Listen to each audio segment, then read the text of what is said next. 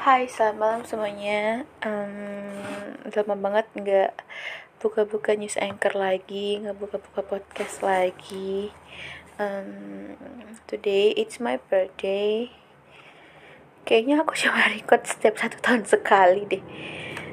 Terus nge-recordnya setiap ulang tahun doang.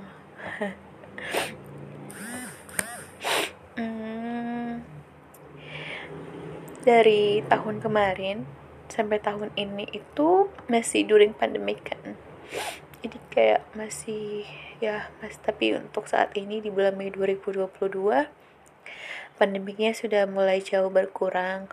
Mulai dari yang covid terus delta terus omikron hmm, aku pernah malah sih kemarin pas yang omikron terus habis itu um, pelajaran setahun terakhir ini yang aku dapat adalah banyak hal tapi salah satunya itu adalah tentang mm, nomor expectation. Jadi ketika kamu ngelakuin suatu hal ketika kamu uh, ingin sesuatu ketika kamu bertemu sama seseorang yang kamu kira mungkin bisa ngebantuin kamu aku selalu nerapin di dalam diri aku adalah nothing tulus gitu. Jadi kayak no expectation gitu. Ya udah jadi gara-gara yang hmm, bukan gara-gara sih mungkin karena aku mikirnya kayak nomor expectation itu aku selalu punya side B atau plan B gitu. Kalau dia kayak gini aku aku bakalan kayak gini gitu. Jadi untuk untuk mengurangi kekecewaan di dalam diri sendiri gitu. Karena kalau di tahun tahun sebelumnya itu adalah hmm, sesimpel kayak ketika kita baik sama orang kita berekspektasi orang itu akan baik sama kita juga. Tapi ternyata kan nggak kayak gitu konsepnya. Hmm, konsepnya adalah kalau kita baik sama A bisa jadi yang baik sama kita adalah si C atau D gitu. Tuhan akan membalasnya dengan cara yang lain gitu jadi gitu sih. Jadi ketika kita ingin melakukan satu hal ingin punya suatu keinginan atau bertemu orang baru baik dari relasi bisnis pekerjaan dan lain-lain kayak gitu-gitu tuh ya nothing tulus dan no more expectation sih. Kalau sampai saat ini aku terapin ya terus kedua adalah um, tentang masalah komunikasi. Jadi berapa bulan ini itu aku kebentur sama yang namanya how to communicate it gitu to human how to delivery your communicated to human to another human hmm, kadang tuh ngerasa kayak kita tuh sering banget ngomong sama orang lain itu berpikir kalau ya udah gue kasih tahu seadanya gitu. Jadi kayak seolah-olah kita berpendapat kalau orang yang akan kita sampaikan pesan itu orang itu pasti bakal ngerti 100% gitu. Tapi pada kenyataannya tuh enggak gitu. Pada kenyataannya enggak semua orang bisa ngerti dan paham apa yang kita maksud. Dan emang orang itu bukan cenayang gitu ya bisa baca isi otak kita langsung oh ceng gitu. Langsung ngerti tuh nggak kayak gitu. Jadi ketika um, di tempo dulu tuh kayak gue ada masalah something masalah perihal komunikasi itu sih tapi itu jadi pelajaran berharga buat gue kayak um, ya udah apa pun itu ceritanya apa pun itu yang perlu diskusikan um, harus mendiskusikannya dengan cara mengkomunikasikannya lebih detail. Kayak gitu. Terus kalau misalkannya um, di salah satu pihak ada yang miskomunikasi ya omonginlah baik-baik gitu. Tapi emang ketika kita membaca pesan via teks sama via live atau kayak ketemu langsung gitu ya no hard feeling kalau misalkannya itu adalah pesan teks gitu pesannya. Karena maksudnya gini karena itu kan SMS atau WA gitu ya. Jadi dan di mana itu nggak ada intonasinya. Jadi kadang suka kayak salah paham gara-gara mungkin ada yang pesan teksnya juga yang ngetiknya juga lupa naruh tanda koma atau tanda titik gitu kan. Jadi kan kita suka bingung gitu kan. Ini maksudnya atau kayak gimana gitu. Emang kayak sometimes kayak hal-hal yang sangat penting emang perlu dibicarakan secara langsung kayak gitu terus kedua eh ketiga deh. Ketiga setahun terakhir ini hmm, rentang dari tanggal rentang dari tanggal sebenarnya gue punya pengalaman sih tahun ini kayak ya wow gitu kan. Rentang dari bulan Agustus 2021 sampai November 2021 itu kayak ada yang lain gitu. Gue ngerasa ada gue yang lain gitu di dalam diri gue terus singkat cerita kayak gue mulai menarik diri di lingkungan. Yang tadinya gue tuh orangnya ekstrovert orangnya tuh suka social butterfly gitu kan. Terus lama-lama tuh gue menarik diri gue nggak mau ketemu sama orang gue nggak mau ngobrol sama orang. Ya gue mau ngobrol sama orang tuh ya sekedarnya gue yang butuh gitu. Kalau orang yang butuh tuh ya udah gitu. Um, singkat, singkat cerita tuh kayak gue merasa aneh sama diri gue sendiri dan gue memberanikan untuk pergi ke psikolog gitu kan kayak what happened with me? Dan ternyata bener kayak dugaan gue kalau gue tuh kena kayak yang depresi ringan gitu sih. Terus gue disaranin untuk um, untuk datang ke komunitas atau mengikuti komunitas-komunitas. Kan lagi pandemik ya agak susah terus kalau misalkannya how gimana caranya gue bisa dapat atau kena depresi itu kayak kalau kata sepupu gue jadi kayak di tempat kerja gue itu kan ya begitulah. Ada yang positif ada yang negatif. Terus habis itu sebenarnya di mana pun sih cuman uh, gue percaya sih namanya lingkungan vibes itu tuh menular gitu ke diri kita. Kalau vibes kita adalah dari dulunya udah positif terus lingkungannya positif lu bakalan growing upnya tuh lebih besar gitu. Tapi ketika lo vibesnya positif terus lu hidup di lingkungan yang negatif mungkin lu bakalan berusaha si vibes positif ini bakalan terus berusaha untuk mengafirmasi dirinya untuk tetap positif gitu. Tapi ya tadi mungkin satu bulan tiga bulan satu tahun itu masih mempan. Tapi ketika udah dua tahun kemudian itu nggak bisa dikendalikan. Karena ya itu tadi bener kata pepatah ketika kita berteman sama tukang parfum mungkin awal-awal kita nggak kecium percikan aroma parfumnya juga gitu. Tapi lama-lama kalau misalnya kita sering banget main ke toko parfum dan berteman dengan orang yang punya parfum itu toko parfum itu kita bakalan kecipratan gitu aroma parfumnya. Sama kayak yang tadi. Mungkin ya mungkin vibes positif yang gue ngerasa ya gue ngerasa kalau kalau gue sih merasa hmm, kayak gue punya vibes positif gitu sih.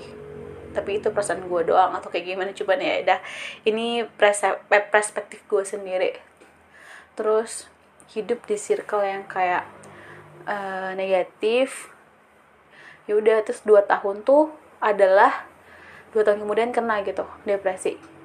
Dan kata sepupu gua dan kata psikolog juga itu tuh adalah bentuk dari akumulasi gitu. Akumulasi vibes vibes positif itu tuh yang pelan-pelan menggerogoti. Mungkin satu tahun satu setengah tahun itu masih bisa terkendali tapi setelah dua tahun itu nggak bisa dikendalikan gitu. Karena tadi dia tuh pelan-pelan menggerogoti. Tapi untungnya gue tuh langsung sadar gitu ada yang aneh di diri gue gue tuh selama tiga bulan lebih kayak uninstall sosial media terus bener-bener gak mau ketemu temen. Ya bener-bener kayak apa ya kayak kamar kosan gue juga kayak males banget buat bangkit dari kasur. Tuh bener-bener kayak orang depresi aja gitu kerja di atas kasur kayak gitu gitu tapi uh, untungnya tadi gue bilang gue langsung sadar diri gue kenapa terus gue langsung cepet-cepet kayak setelah tiga bulan kemudian kayak oh ada yang salah nih di diri gue. Ya udah oke. Okay. gue tahu nih sekarang apa yang salah. Karena habis dari konsultasi ke profesional terus disaranin ikut komunitas-komunitas biar hmm, mungkin karena covid juga kali ya. Jadi kayak terkurung di dalam kamar sendiri terus karena WFH juga kan. Jadinya ya udah gitu aja. Jadi kayak terjerumus di dalam pemikiran sendiri.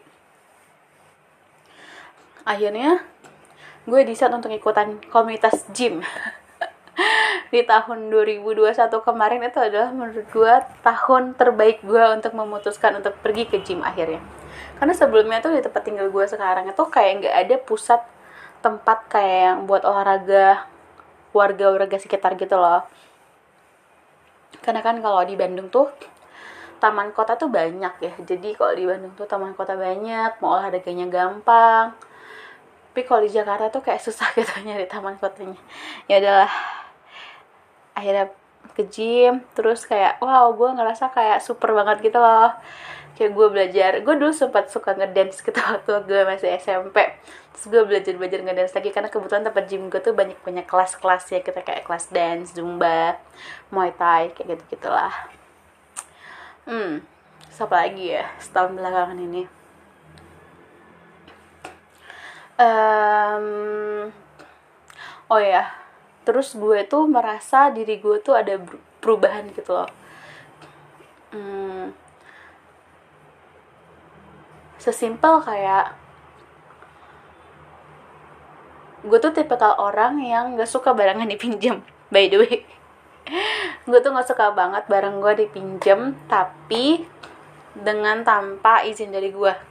Jadi misalnya sesimpel kayak cuma minjem pensil doang atau atau penghapus pensil doang tuh ya lo harus izin bener-bener nyata gitu izinnya di muka gue nggak bisa kayak kadang kan suka eh gue pinjam ini ya padahal orangnya nggak ada kayak gitu. Gue tuh nggak suka kayak gitu. Tapi sekarang tuh semakin dewasa semakin dewasa deh semakin bertemu umur kayak ya udahlah toh juga barangnya dibalikin kok gitu. Toh juga um, ditaruhnya di tempat kayak semula kok gitu. Jadi kayak hmm, gue sih ngerasa kayak tapi gue ngerasa itu tuh setelah gue udah mulai feel better dari depresi gue sampai saat ini alhamdulillah kayak setelah gue kena depresi tuh sampai gue kayak healing pribadi gitu kan kayak gue ngelakuin apa apa yang di tips tips sama si uh, psikolog gue udah pelan pelan tuh ngerasa kayak enak lagi gitu loh enjoy lagi gitu hidupnya. Tapi emang uh, pasca dari itu tuh gue jadi kayak orang yang lebih berhati-hati sih dalam mengambil sikap. Kalau dulu tuh hmm, gue ngerasa kayak udah gue seada apa adanya gue banget gitu. Polos staying gitu. Tapi kan ternyata tuh antara polos banget sangat profesional tuh emang harus ada bordernya itu loh kayak ada pembatas gitu. Bagi kalau dunia kerjaan. Gitu. Tapi gue itu hmm, sekarang masih terus belajar tentang gimana caranya bisa profesional. I mean kayak uh, gue tuh tipe orang kalau gue nggak suka sama orang tuh bakal kelihatan banget gue nggak suka sama dianya tapi ada beberapa teman gue yang kayak dia nggak suka nih sama orang. Tapi dia tuh bisa gitu. Masih tetap tektokan kerja. Masih ya masih tetap tektokan kerja sih. Tapi gue juga tektokan kerja cuman kayak jadi terpaksa banget gitu loh. Kayak ya nggak nggak ikhlas gitu ngerjainnya. Terus kata temen gue tuh dikasih sarannya kayak hmm, gue tuh harus bisa bedain mana yang profesional mana yang personal. Gitu. Jadinya ya hmm, sekarang tuh masih belajar tentang profesionalitas di dalam dunia kerja untuk hal yang itu gitu. Karena gue gue nggak bilang gue lagi belajar bermuka dua tapi ya mau profesional aja gitu buat bedain mana yang bener-bener harus gue kerjakan sebagai profesional dan harus ada batasan sebagai personal kayak gitu. That's it. Terus abis itu